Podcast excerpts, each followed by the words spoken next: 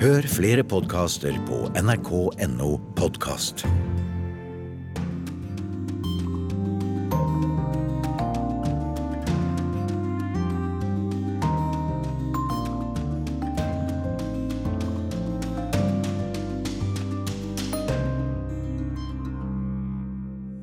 Statsadvokaten suspendert i Venezuela. Er diktaturet snart et faktum?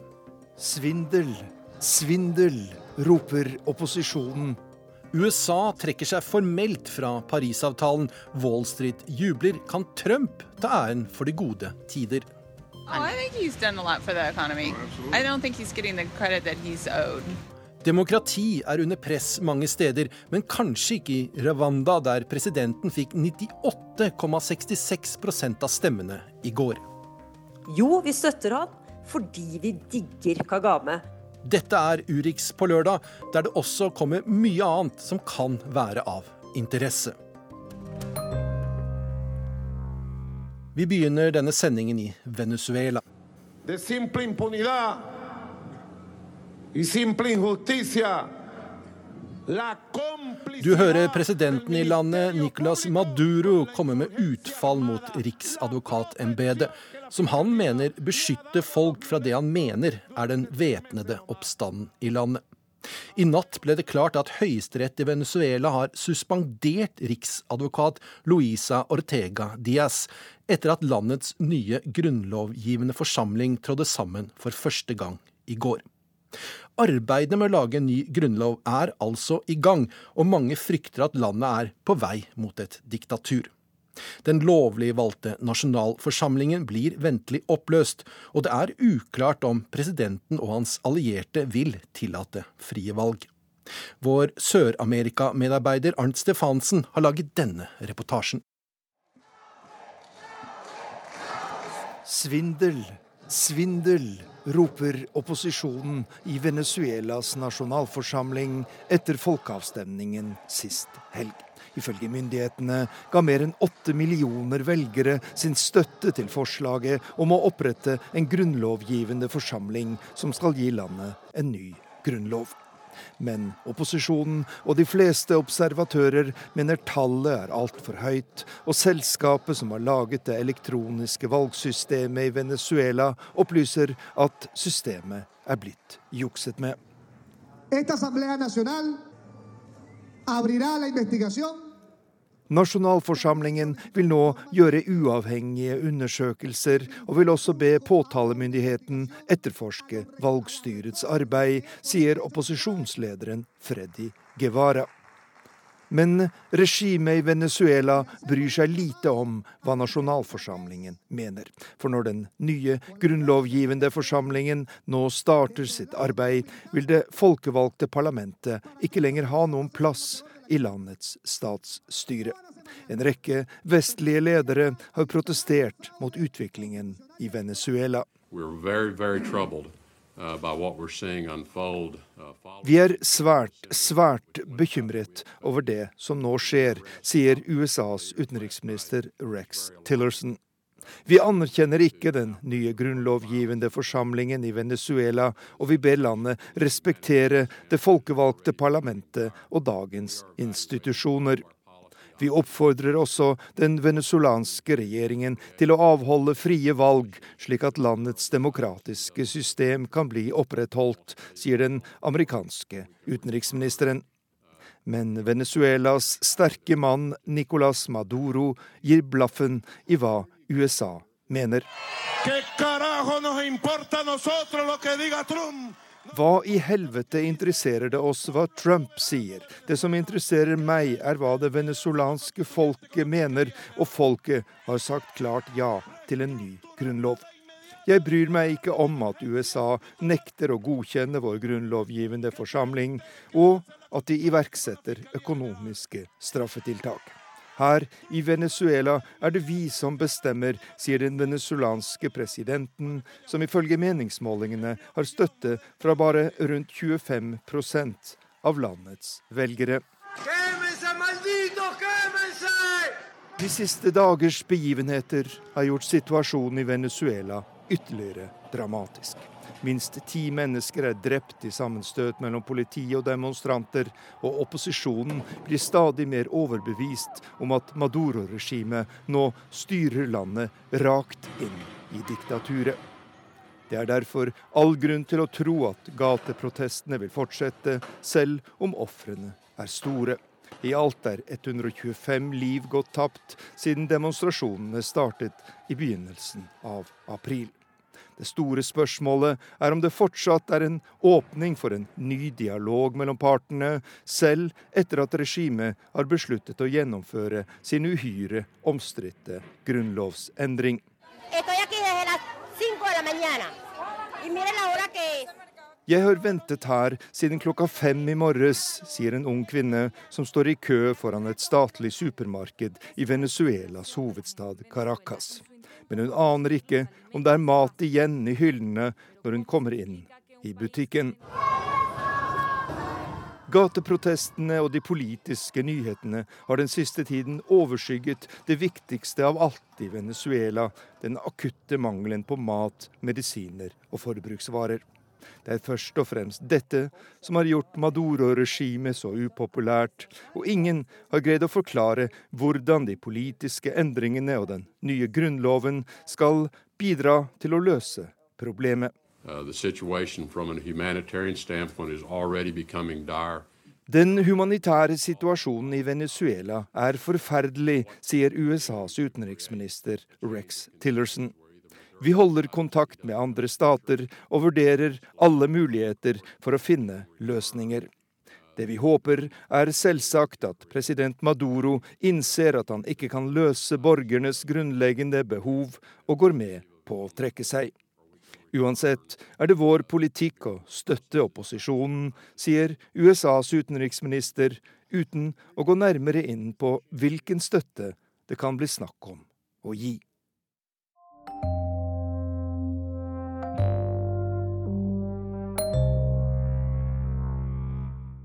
Vi skal til USA. I natt kom det som var ventet, men nå er det formelt gjort. Landet trekker seg fra Parisavtalen. Det fortalte visepresident Mike Pence. And this president has been putting America first, like when he announced that the United States of America officially today notified the United Nations that we are withdrawing from the Paris Climate Accord. Hva som vil skje videre nå, er det store ukjente. Presidenten mener landet vil spare store summer på å la karbonet sveve. Andre mener USA vil gå glipp av en økonomisk gevinst dersom det ikke kommer en aggressiv satsing på det grønne skiftet. Det kan hende at akkurat de stemmene kommer fra håpløse drømmere. Slik ser det i hvert fall ut sett fra Wall Street. For Dow Jones-indeksen gikk over 22 000 poeng for første gang i historien denne uken, og økonomien går som det suser. Det skapes flere nye arbeidsplasser enn på lenge, og ledigheten er rekordlav. President Trump har tatt æren for fremskrittet, men amerikanerne er uenig om hvor mye som er hans fortjeneste, og om mange nok får glede av de gode tidene. Let's get lunch again when I'm back, and then we'll debrief. We'll. Kompisen til Jean avtaler neste lunsjdate med venninnen på Local 271. Den populære kafeen i Palo Alto er en slik der venturekapitalister møter gründere for å starte nye selskaper. Her spiser de rå tunfisk og grønnkålsalat mens de planlegger hvor de neste milliardene kan tjenes. Jean vet det for hun jobber med venturekapital. Uh,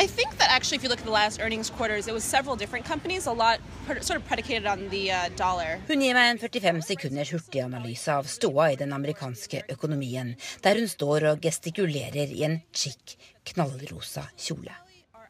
Hun mener en ny trend er på gang her nå.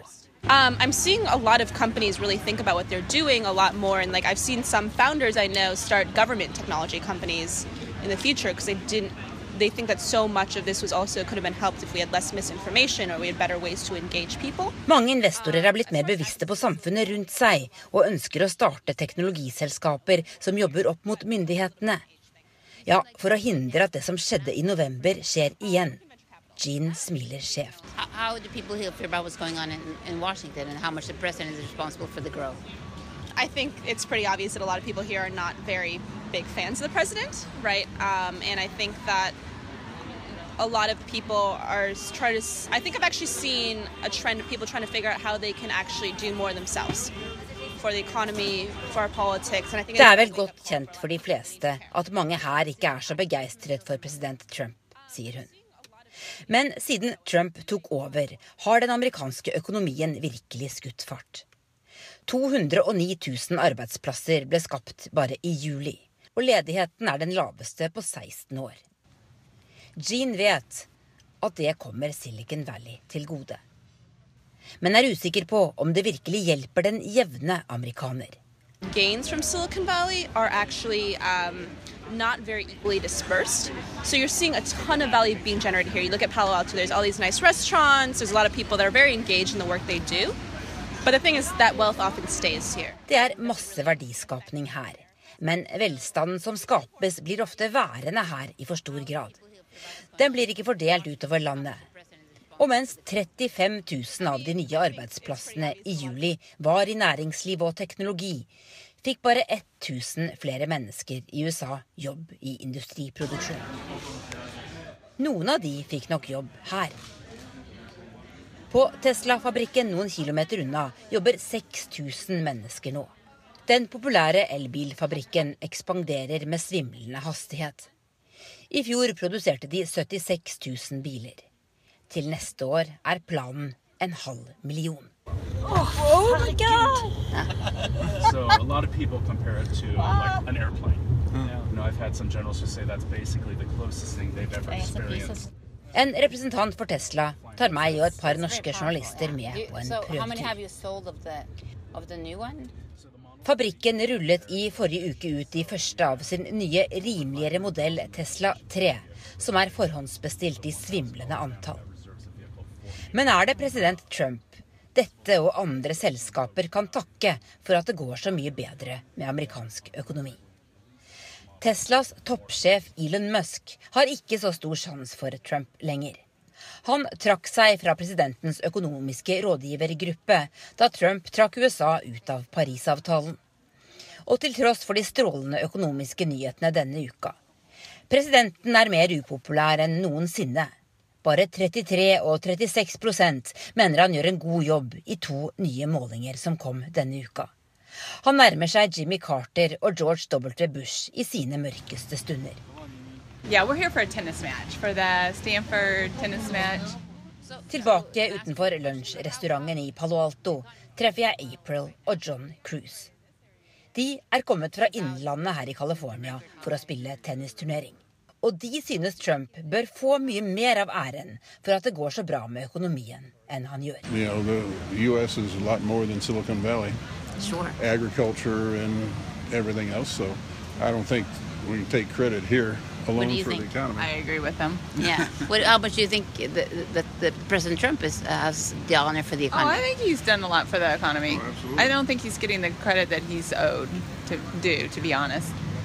How do you feel out here? Are people very negative to him, or how is it? Oh, yeah, pretty much. This is more. Well, around here on the coast, people are very negative because they're extremely liberal, don't make have much for common sense or anything. Her ute er folk så ekstremt liberale.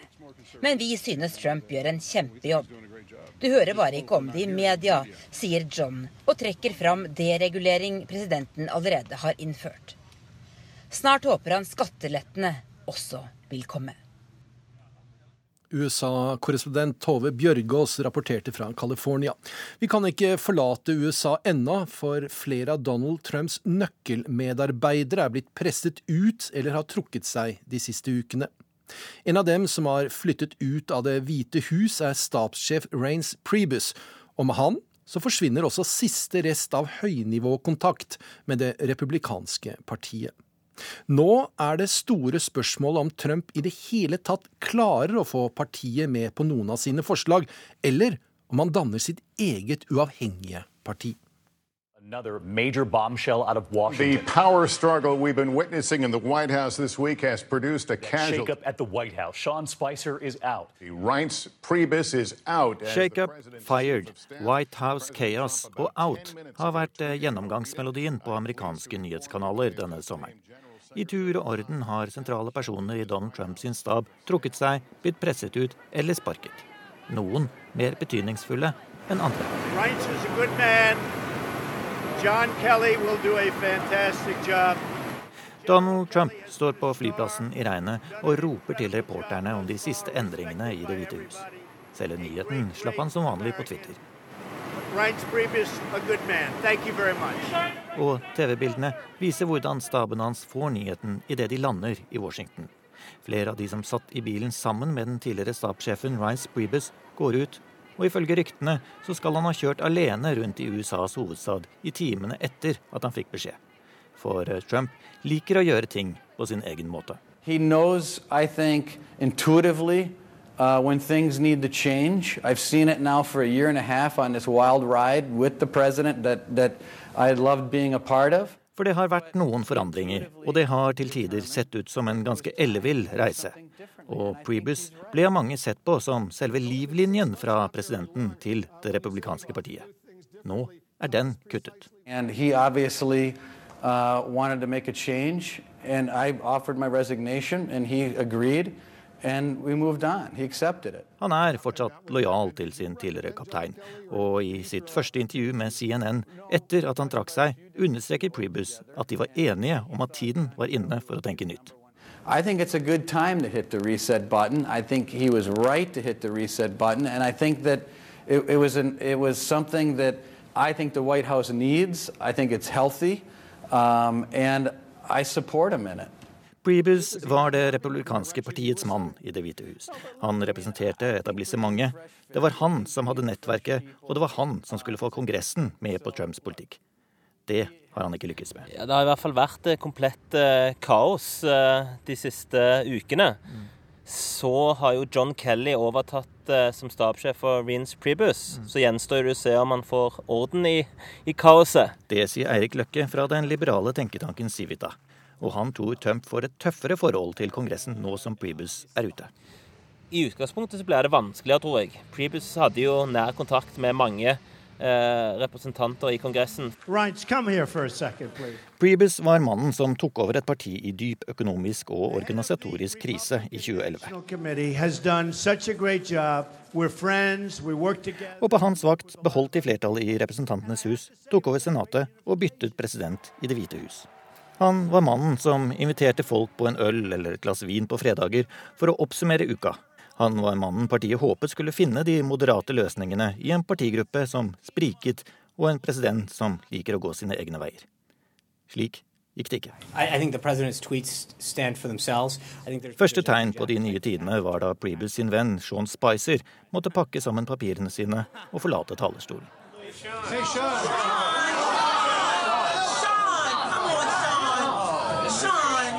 En uke senere var det han selv som var nyheten. The power struggle we've been witnessing in the White House this week has produced a casualty. Reince Priebus is out as the president's chief of staff. Dermed var alle bånd til partiet kuttet. Inn hadde kommet en tidligere hedgefondmegler. Yeah. not Steve Bannon. I'm not trying to suck my own. I'm not trying to build my own brand off som forsvant like fort ut igjen, og en tidligere general uten politisk erfaring hadde overtatt styringen. Jeg tror ikke det finnes en person i verden, og jeg har heller ikke noe tro på at eh, John Kelly kommer til å greie det. Donald Trump er Donald Trump. Det har vi sett helt fra han annonserte han skulle stille til eh, som president. For eh, Trump har nå valgt å omgi seg med rådgivere som ikke har noen tilknytning til det republikanske partiet, bortsett fra visepresident Mike Pence. Og dette ser ikke ut til å være tilfeldig. Trump har nemlig hele tiden referert til partiet som noe som ikke inkluderer han selv, og i liten grad hatt personlig kontakt med sentrale personer i partiet. Og under valgkampen lovet han nå Nå blir det store spørsmålet frem mot neste års mellomvalg hvordan vil partiet forholde seg til presidenten. Men Donald Trump er Donald Trump, og det kommer antagelig til å bli hans store problem også i forhold til Kongressen. Så er spørsmålet kan det dannes en, en slags falang, noe lignende Tea Party, som danner seg rundt eh, Donald Trump. det har jeg litt problemer med å se, rett og slett fordi at Trump har jo egentlig fremmedgjort alle deler av det republikanske partiet. Du har jo Tea Party-delen med, med, Ted Cruz. Du har den mer moderate delen med folk som John Kasich og, og, John McCain. Du har den mer ideologisk eh, bevisste konservative delen med Paul Ryan. Eh, Trump angriper alt og, og, alle. Han virker å være mest opptatt eh, av seg sjøl.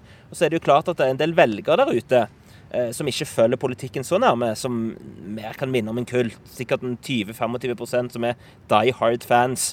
Eh, men det er vanskelig å danne et parti ut ifra det. Og selve partisystemet i USA, eh, det er rigged. Akkurat der har, Donald Trump rett hele veien.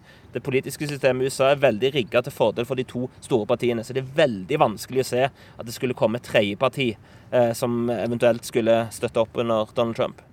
Reporter her var Christian Aanesen.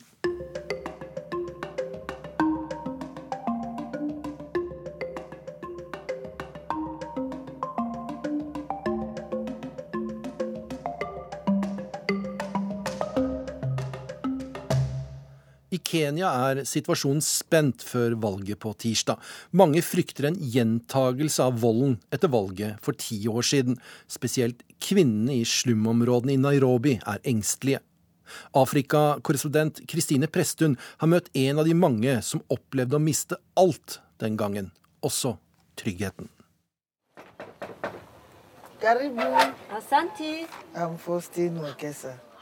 Fostin Wekesa tar oss imot i et skur med vegger av blikk. I taket henger en enslig lyspære. Det finnes ikke noe gulv her. Vann renner på bakken mellom de to enkle rommene i hjemmet som ligger i slummen Korogosho. Her inne må Wekesa ha på seg en oransje ulljakke mot det kalde vinterværet i Nairobi. At det er valgfeber i Kenya, fører til at den store, robuste kvinnen lett begynner å skjelve.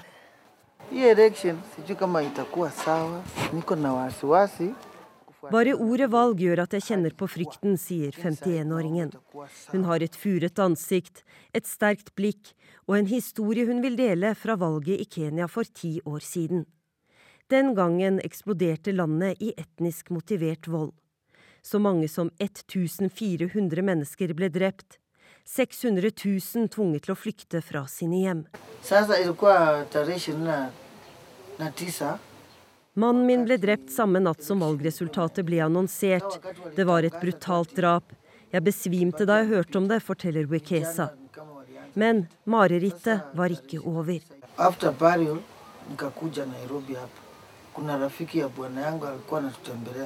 Da jeg kom hjem fra begravelsen, var huset vårt brent ned. En uke senere opplevde jeg det som så mange kvinner ble utsatt for i disse dagene etter valget i 2007. Hun forteller at en mann tvang seg inn i hjemmet hennes om natten, dro henne med ut på gaten og voldtok henne. Kenya var på randen av borgerkrig, Ingen har et tall på hvor mange kvinner som ble voldtatt etter valget den gang. Nå frykter Faustin Wekesa at valget på tirsdag skal sette i gang en ny voldsspiral.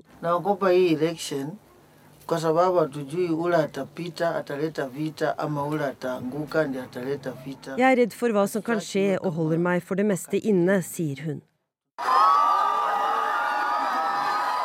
President Uhuru Kenyatta ble mottatt med jubel da han på fredag møtte sine tilhengere i Uhuru Park i sentrum av Nairobi. Han sto oppreist i åpen bil og vinket til den begeistrede folkemengden. På scenen sto han sammen med visepresident William Ruto.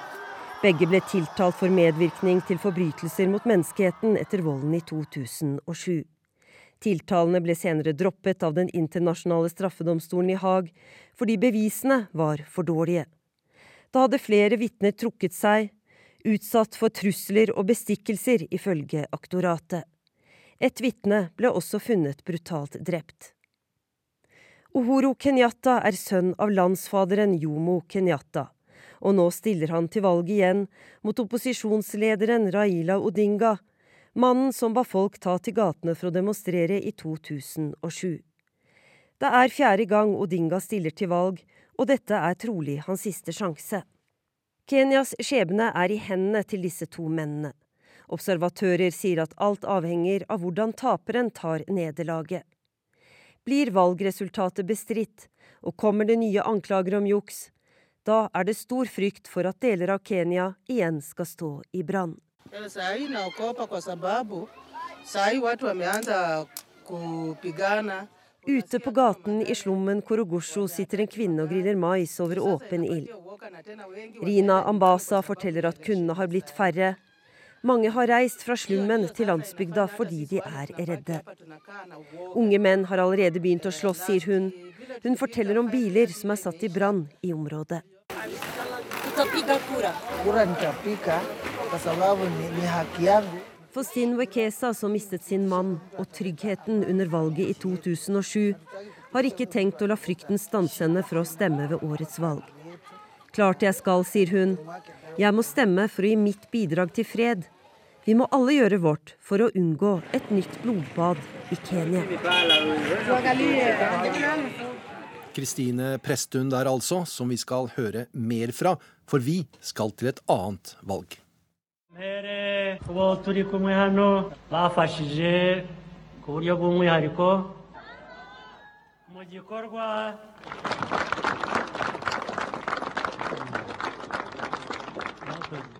Vi hører presidenten i Rwanda, Paul Kagame, takke for støtten. Det er klart at han blir sittende i sju nye år. Opptellingen etter valget i går viser at han fikk hele 98,66% av stemmene. Og eh, korrespondent eh, Kristine Presttun, du har nylig vært i Rwanda, og du kan kanskje forklare for oss hvordan det er mulig for en sittende president å få nesten 100% av stemmene i et demokratisk valg? Ja, jeg stilte det samme spørsmålet da jeg var der til folk jeg møtte, og de svarte at jo, vi støtter han fordi vi digger Kagame. Han er en eh, svært populær mann, og de sa se deg bare rundt, se hvordan dette landet fungerer. Dette har denne mannen æren for, og han har klart det eh, bare 23 år etter at Rwanda jo gikk gjennom et forferdelig folkemord. Um, men så er det også sånn at denne overlegne seieren den skyldes også at landet har en svært liten opposisjon. Eh, det var kun ett lovlig opposisjonsparti og én uavhengig kandidat som stilte mot Kagame i dette valget. Kan vi likevel si at det er et reelt demokrati i Rwanda? Dette er et demokrati under eh, press, og organisasjoner som Amnesty er nok ikke så veldig eh, imponert. Eh, de viser til at politiske motstandere, journalister, menneskerettighetsaktivister har blitt forfulgt i tiden opp mot dette valget. Og Kagame selv har jo sagt at testen på et godt demokrati det er at en leder kan gi fra seg makten. Men i 2015 så hadde han jo en folkeavstemning. Det ble klart flertall da for å endre Grunnloven, slik at han selv fikk nærmest carte blanche for å sitte så lenge han vil, i hvert fall til 2034. Hva med resten av eh, Afrika? Vi ser jo bl.a. at det er vanskelig for Kabila i Den demokratiske republikken Kongo å slippe taket. Ja, Det er flere afrikanske ledere som klamrer seg til eh, makten. Og i Kongo, som du nevner, så skulle det vært holdt valg i november i fjor. Så ble det utsatt et år, men det er ingen som tror at Kabila kommer til å holde valg i høst eh, heller. Og flere ledere gjør det samme. Vi ser det i Burundi, Uganda, Zimbabwe, Tsjad, Eritrea, Kamerun. Eh, men det landet som blir spennende å følge med på nå i august, i tillegg da selvfølgelig til Kongo, ja det er Angola. For der skal det holdes valg. Og eneherskeren der, president Dos Santos, han har sittet 38 år ved makten, men i år så har han faktisk varslet at han ikke stiller til valg. Vil du som har studert kontinentet si at det går riktig vei? Det er motstridende tendenser her, men håpet det ligger i ungdommen. Dette er jo et ungt kontinent, og det er mange unge som ikke finner seg i dette med ledere som klamrer seg til makten på denne måten. Og de ser til Burkina Faso som sitt forbilde, der Compaore ble tvunget av folket til å forlate landet etter 27 år ved roret. Gambia er et annet positivt eksempel. Der så vi at nabolandene engasjerte seg, slik at president Jamme ble tvunget til å gå av etter valget, selv om han først ikke aksepterte nederlaget. Det er med andre ord lederne selv og den yngre generasjonen som sitter med nøkkelen her. Og så skal vi huske at det er flere land på kontinentet som blir sett på som demokratiske forbilder, som f.eks. For Nigeria og Ghana, der jo ledere nylig frivillig har gått av etter å ha tapt valg. Du nevnte ungdommen, og du nevnte lederne selv. Hva vil være det viktigste for demokratiet i Afrika? Det viktigste er engasjementet på grasrota. At folk ikke mister troen på at de kan ha innflytelse. Og her i Kenya så er unge lei av all korrupsjonen, lei av politikere som beriker seg selv. Og derfor så blir det spennende å se om de unge møter opp ved urnene tirsdag til uken. Takk til deg, Kristine Presttun. Nå skal vi til et annet demokrati som er under press, etter at Tyrkias største opposisjonsparti arrangerte en historisk marsj fra Ankara til Istanbul med krav om rettferdighet, følger andre partier opp. Denne uken har det pro-kurdiske partiet HDP holdt markeringer rundt om i landet. HDP er det partiet som har flest medlemmer i fengsel, og når HDP krever rettferdighet, tar myndighetene ingen sjanser. I en park i Istanbul har politiet sperret demonstrantene inne bak tre jernringer. Korrespondent Sissel Wold slapp inn. Vi står i kø for å komme inn til opposisjonspartiet HDPs markering i en park i Istanbul. Dette er den tredje kontrollposten vi må igjennom. Og nå må jeg vise politiet både pressekort og pass for å komme videre i labyrinten av gjerder. Før vi kom hit, gikk vi ned en avsperret, tom gate der politibussene sto tett i tett. Opprørspoliti med våpen, batonger og plastskjold sto på vakt. Vi slipper gjennom nåløyet og går gjennom en lang korridor av sperringer inne i parken til vi kommer frem til en åpning. Nå står vi på en gressplen, også omringet av høye politigjerder. Bu yüzden özellikle bizim sesimizin daha çok çıkmasını Regjeringen forsøker å blokkere inngangen, slik at folk ikke skal kunne komme inn hit. Det viser hvor svak regjeringen er, mener Feliz Kerestegiolo. Hun er folkevalgt fra Istanbul for det prokurdiske partiet HDP. Hun er ikke kurdisk selv, men en tyrkisk kvinnesaksforkjemper. Her inne på plenen treffer vi rundt 60 mennesker, for de får ikke være flere enn det. Om noen nye kommer inn, må andre forlate markeringen for rettferdighet og demokrati. çalışıyorlar. Myndighetene tror denne samlingen kan sette i gang en politisk bevegelse. Det er derfor de vil stanse oss, sier Keresh Tejiolo til NRK. Og det er et nytt opprør à la Gezi-opprøret i 2013 president Erdogan og regjeringen muligens frykter. For det begynte også i en park i Istanbul. Da slo hundrevis av demonstranter seg ned i sentrum, og protestene mot myndighetenes politikk spredte seg raskt til hele landet.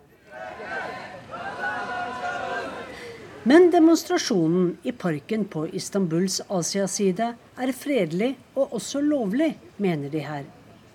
Om nettene sover de godt voksne politikerne under åpen himmel. Yes. uh, I sleep on the grass and stars and ja, jeg sover her under stjernene, sammen med to katter.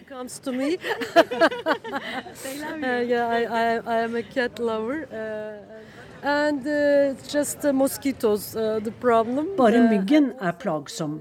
Ja, og politifolkene som lar kjøretøyene gå på tomgang når vi prøver å sove, sier hun. For fire uker siden avsluttet Tyrkias største opposisjonsparti, CHP, en protestmarsj som gikk helt fra Ankara til Istanbul. Partilederen Kemal Kilic Darolo overrasket alle ved å gå over 40 mil i løpet av 25 dager for rettferdighet etter at myndighetene satte nestlederen hans i fengsel. Også partiet HDP har mange av sine i fengsel, bl.a. partileder Selatin Demirtas. Men det er ikke bare partifellene i fengsel politikerne i parken demonstrerer for. So country, uh, Myndighetene frykter mangfold. De frykter LGBT-aktivister, alevier, armenere, syrianere, jasidier, kvinner og unge uavhengige stemmer. For de vil ikke at noen av disse gruppene skal være sterke, mener parlamentarikeren. This is uh, policy uh, to criminalize all oppositions, everyone. Å kriminalisere all opposisjon er regjeringens politikk nå, og vi kan ikke finne oss i det, mener hun. Yeah, my friend is coming. Okay. So this is so. we will win.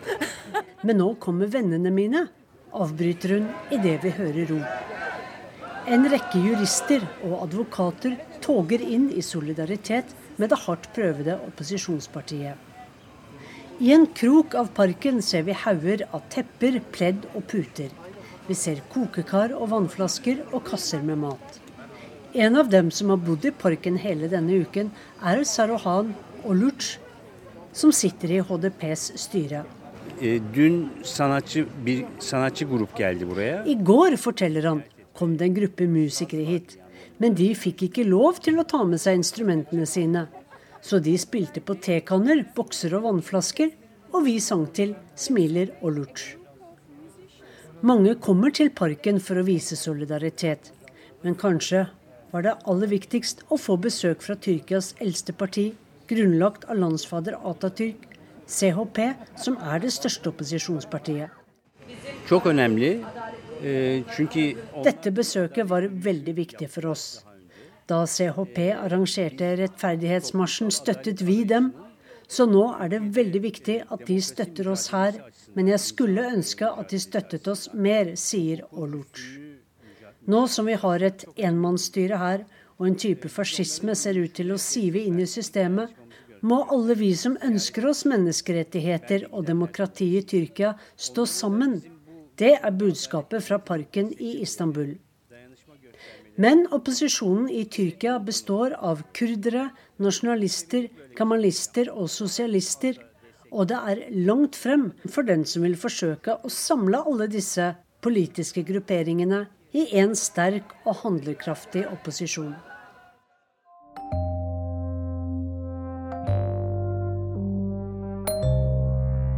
Du hører Urix på lørdag, nå om brexit og flere tusen godt betalte arbeidsplasser. De neste fire månedene skal mange av de mest kjente europeiske storbyene kjempe om å overta to viktige EU-byrå etter brexit. Det handler om EUs med medisintilsyn, EMA, og banktilsynet, EBA. My morning in Milan starts like this. Like all over the world, you might say. Where else could you open your windows to such beauty in a skyscraper? Cornetto e cappuccino is the ritual that starts the day off right. Det er nesten så en får lyst til å flytte til Milano. Og det er nettopp det som er meninga med videoen. Den viser en fiktiv dag i byen for en person som jobber i EMA, det europeiske legemiddelbyrået. Milan is a vibrant science and innovation hub. And many international companies like mine are based here. Den prøver òg å få fram andre aspekt enn rent faglige. Sites, for det reneste Melodi Grand Prix-stemning i EU for tida, som nettsida Politico påpeker. Mange vil ha en bit når Storbritannia må gi fra seg alt som kan minne om EU-medlemskap. Både legemiddelbyrået og den europeiske banktilsynsmyndigheten skal få nye hovedkvarter. Og det legemiddelbyrået EMA det er mest konkurranse om. Hele 19 land kniver om byrået, med sine 890 permanent ansatte, i tillegg til rundt 36 000 eksperter som er innom i løpet av et år. Noen av landene har til og med vært så ivrige at de la inn et båd på EMA allerede før britene hadde stemt seg ut av unionen. EMA has to find new home ground. Og måten det blir avgjort hva det nye byrået skal ligge på, kan òg minne litt om Melodi Grand Prix. Her er rett nok ingen tolvpoengere å dele ut, men en kan gi henholdsvis tre, to og ett poeng til første, andre og tredje valget. Og ja, her er det lov å stemme på seg sjøl. Vinnerne vil få prestisje, arbeidsplasser, skatteinntekter og mulig innvirkning på finans- eller helsepolitikken. Men byene må òg ha noe å komme med. Ei liste med kriterium ble satt sammen av EU-kommisjonen i juni, og inkluderer gode flyforbindelser, god kvalitet på skolene og muligheten for å finne seg en jobb for eventuelle partnere. Noen kommer med løfter om kontor uten leie, Wien f.eks. tilbyr 25 år med gratis kontorlokale. Amsterdam spiller på at det egentlig ikke er så stor forskjell fra London. Her vil de føle seg hjemme. We also have a very stylish queen and enjoy fish and chips. Besides, our grasp of your language is outstanding. Flere har allerede modeller av bygningene på papiret. Andre tilbyr noen av sine eksisterende og mest spektakulære. Warszawa har løfta fram at de ikke har terrorister med opphav i landet, eller kjente terrororganisasjoner. Blant landene på lista finner vi òg våre skandinaviske naboer. Sverige trekker fram sin kultur for innovasjon.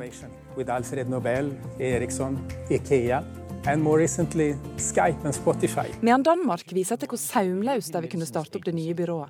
Copenhagen is ready to welcome EMA with a plug-and-play solution.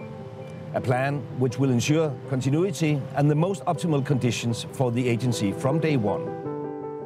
Men på lista finner vi òg tungvektere som Tyskland og Frankrike. Og her er det åpent for hestehandler. Frankfurt har allerede lenge prøvd å trekke til seg finansfolk fra City of London. Og flere banker har allerede meldt om flytting hit. Derfor vil byen være en klar kandidat for banktilsynsmyndigheter, mener de. Frankrike har i utgangspunktet vært skeptiske, men kan gå med på det. Om Tyskland lover å støtte EMA-søknaden til deres kandidatby, Lill. Bare 35 minutter med hurtigtog unna Brussel.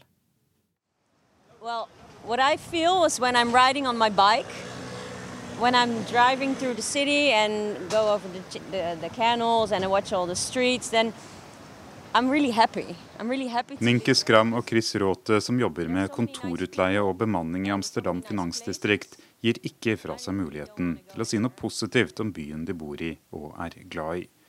Byen som nå håper at milliarder i tapt bankforretning i London etter brexit kan gi dem nye inntekter og arbeidsplasser. I think it's a, a very small and liberal city uh, with 800,000 inhabitants, and you have everything at hand. Everything is close by. Uh, so I think it's a very international and global village. Midnatt den 29. mars 2019. Med eller uten en ny avtale som bestemmer forholdet mellom Storbritannia og EU, så blir britene en tredjepart uten rettighetene og tilgangen til det indre marked som medlemsland har. EUs sjefsforhandler Michel Barnier har gjort det klart at det ikke er aktuelt å la Storbritannia beholde medlemskapet innen visse sektorer, som f.eks. bank og finans. Det tynne håpet City, Londons finansnæring, hadde om at de fortsatt kan håndtere eurotilknyttet forretning, er blitt tynnere. I think we still don't fully understand what those consequences will be, but you see now that some organizations just fear the situation so much that they start for any scenario. So I, I think uh, for the UK it would predominantly be the capital markets work. So I see indeed that uh, uh, all the clearing and all the standardized markets that, they, that we have running traditionally uh, all in London uh, for most of Europe uh, we'll probably see a debate whether that should go to Frankfurt, Paris, or somewhere else. Um, and um, I think it's, it's, it's interesting to see how the discussion goes because, of course, this is also still being used as leverage in negotiations. So it's very hard to actually figure out what will happen in the end. Don selv er grunnlegger av Holland Fintech, en tre år gammel virksomhet som gir råd og hjelp til alt fra store finanskonsern til gründerbedrifter som forsøker å lage nye løsninger for finansbransjen. Byene som kjemper om å ta forretning fra London, er i hovedsak Paris, Amsterdam og Frankfurt. Nylig kunngjorde britisk-asiatiske HBC, Hongkong and Shanghai Bank at de vurderer å flytte mellom 1000 og 6000 arbeidsplasser fra London til Paris. Både Paris og Frankfurt har sagt at de ønsker å overta EBA, EUs bankmyndighet, som i dag ligger i London. Og nylig kunngjorde Japans største bank, MUFG, at de vurderer å legge et nytt hovedkontor for Europa til Amsterdam. Dongen selv mener Amsterdam by gjør mye bra, og at bransjen er godt forberedt, men at nederlandske rikspolitikere kunne gjort mer. Etter finans- og eurokrisen er de fremdeles forsiktige med å støtte opp om finansnæringen, mener Gensel. Uh, you see that parties are not so keen to actually focus on the financial industry with that regard. And I think this is one of the things that's.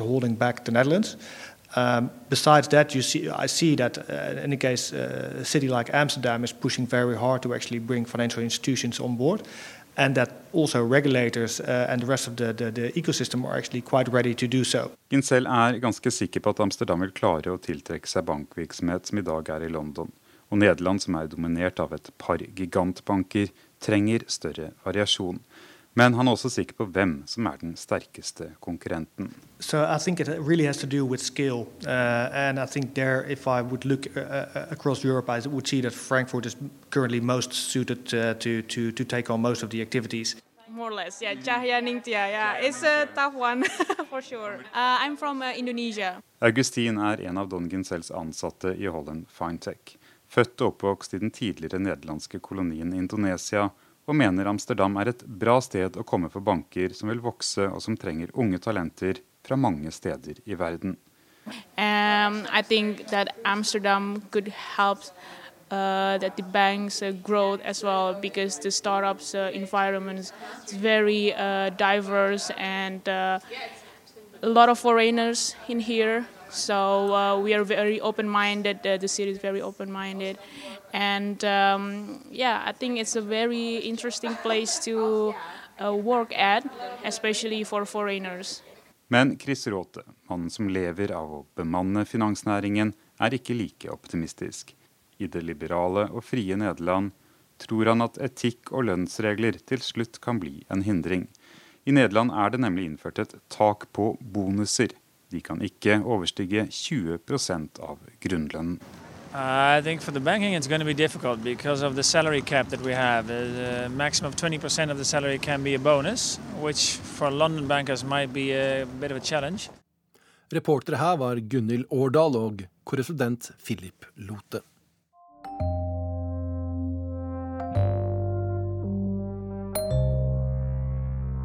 Så har vi kommet frem til ukens korrespondentbrev. Det er fra Morten Jentoft i Moskva som har lagt merke til en ny generasjon spisesteder i byen, og hva moskovittene gjør for å motvirke effekten av dem. Moskva, en kulinarisk oase, eller sykkelbyen Moskva. Slike overskrifter ville nok knapt vært til å tro for 20-30 år tilbake, den gangen det postsovjetiske restaurantkjøkkenet fremdeles preget restaurantlivet her i den russiske hovedstaden, og det å bevege seg rundt med sykkel var forbundet med den største fare. Men nå er alt annerledes, og jeg vet ikke hvor mange ganger mine gjester fra Norge har blitt overrasket over hvordan den russiske hovedstaden har forandret ansikt i løpet av noen få tiår. Jeg kan begynne med nabolaget mitt her, litt i utkanten av sentrum av Moskva. Vår absolutte favorittrestaurant ligger bare vel 100 meter fra leiligheten der jeg bor, i en kjeller i en liten sidegate ved metrostasjonen Dobrininskaja. For nordmenn høres navnet Khinkalneia eksotisk nok ut, og her i Moskva er dette ensbetydende med en stor kjede av restauranter som har det til felles at maten bygger på kjøkkenet fra Georgia, fremdeles det mest populære blant mange innbyggere i det tidligere Sovjetimperiet. Min Hinkalnøya ligger altså under gateplanet, men lokalene lyse og vennlige. Og det er også betjeningen, som jeg er blitt ganske godt kjent med etter hvert.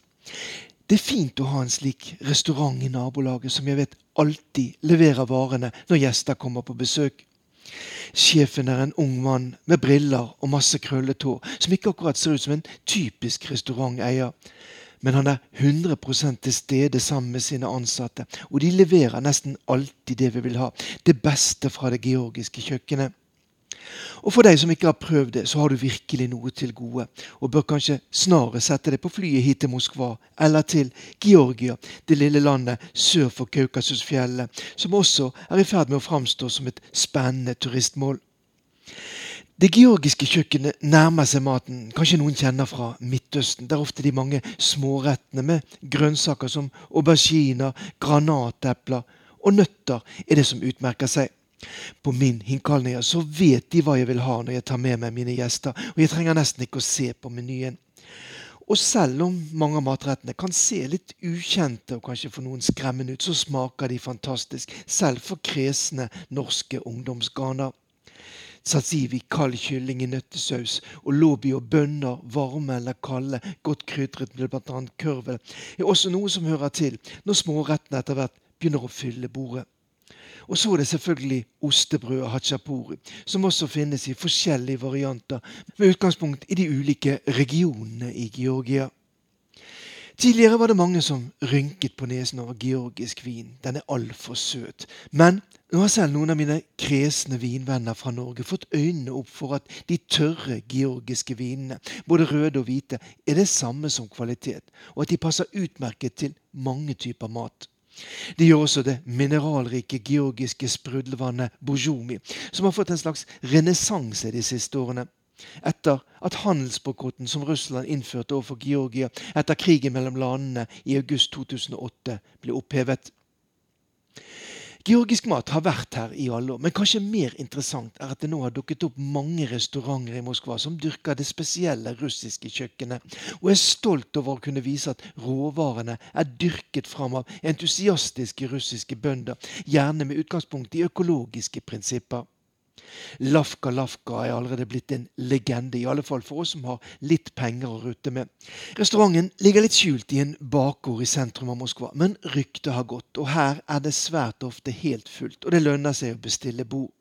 Her feiret vi min fetters 50-års bryllupsdag, og her var jeg med mine naboer fra Oslo, begge ganger med stor suksess. De sier selv at de verken er en ren restaurant eller en matprodusent. De er et kooperativ som prøver å skape en helhetlig produksjonslinje fra produsent til forbruker. De har også sin egen butikk her i Moskva. I restauranten på Petrovka-gaten forandres menyen i tråd med hva som er tilgjengelig av råvarer gjennom året. De følger altså her en trend som vi også kjenner godt fra mange eksklusive restauranter i Norge. Men det kanskje mest interessante er at det kan se ut som om Lafka Lafka er blitt en trendsetter som påvirker mange andre som driver innenfor restaurantbransjen her i Moskva. For noen uker siden besøkte jeg Ruski, som er noe av det hotteste akkurat nå for dem som vil gå ut og spise her i Moskva. Helt i toppen av en av de kjempemessige skyskraperne som utgjør Moscow City, en helt ny bydel ved Moskvaelven, i en høyde av 354 meter, er det åpnet en helt ny restaurant. Jeg hadde fått tips av en venninne om at dette kunne være bra, men var i utgangspunktet skeptisk fordi man på slike restauranter ofte betaler mer for utsikten enn for kvaliteten på maten. Men vi ble positivt overrasket denne kvelden. Torsk fra Murmansk sto det på menyen, og som fiskeelsker var det ikke vanskelig å gå for dette. For noen år siden var det ofte slik at det at fisken kom fra utlandet, gjerne Norge, var det som ble trukket fram på menyen på russiske restauranter. Men etter at Russland svarte på vestlige sanksjoner med å forby matimport fra EU og Norge, så må de satse på egne råvarer. Det har nok vært krevende, men nå er det begynt å skje noe, og russerne kan med økende selvfølelse spise sin egen fisk. Og det skulle jo bare mangle at ikke fiskerinasjonen Russland, med tilgang til flere verdenshav, skulle kunne klare å fange fisk nok til sine innbyggere, og også til oss sultne restaurantgjester.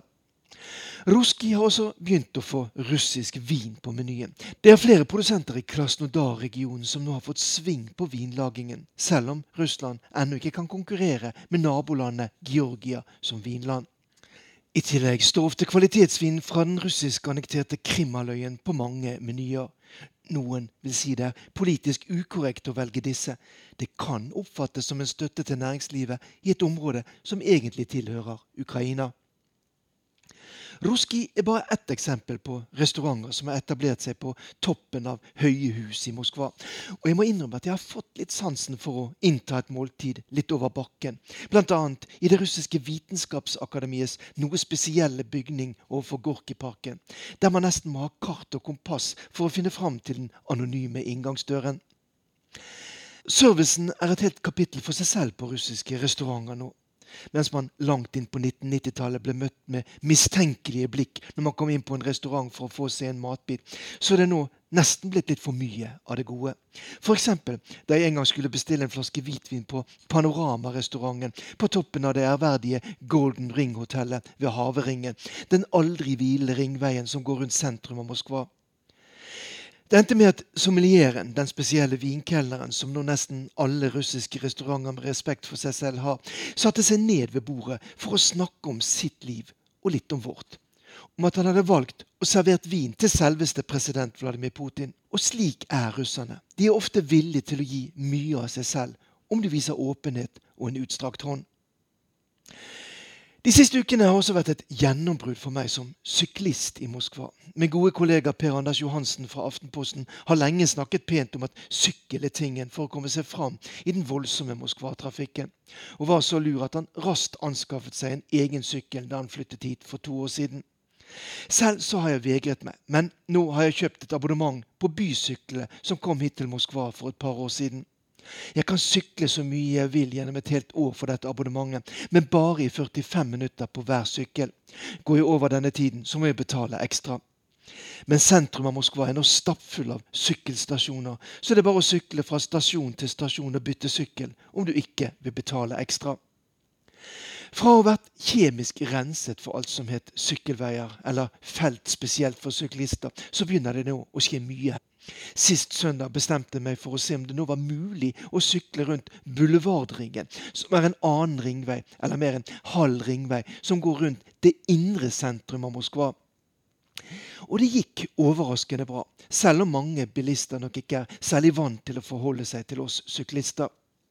Det er investert store summer for å bygge sykkelfelt langs Boulevardringen, og for meg var det å sykle her en helt ny måte å oppleve Moskva på. Ikke helt ufarlig, men det er utrolig hvordan trafikkulturen har endret seg siden jeg bodde her på slutten av 1990-tallet. Å sykle er også i ferd med å gi Moskva et roligere og mer harmonisk preg. Og myndighetene lover fortsatt satsing på sykkelveier og begrensninger i biltrafikken i sentrum av byen. Det er tøffe politiske tider nå, og Russland må absolutt bære sin del av ansvaret for at det Europa mange av oss drømte om, med avspenning og åpne grenser, nå synes ganske fjernt. Men kom gjerne hit til Moskva eller St. Petersburg og smak litt på Russland selv. Jeg tror ikke det gjør verden til et verre sted. Morten Jentoft, Moskva. Urix på lørdag er over. Ansvarlig for sendingen var Lisbeth Sellereite, Eli Bjelland og Halvard Sandberg.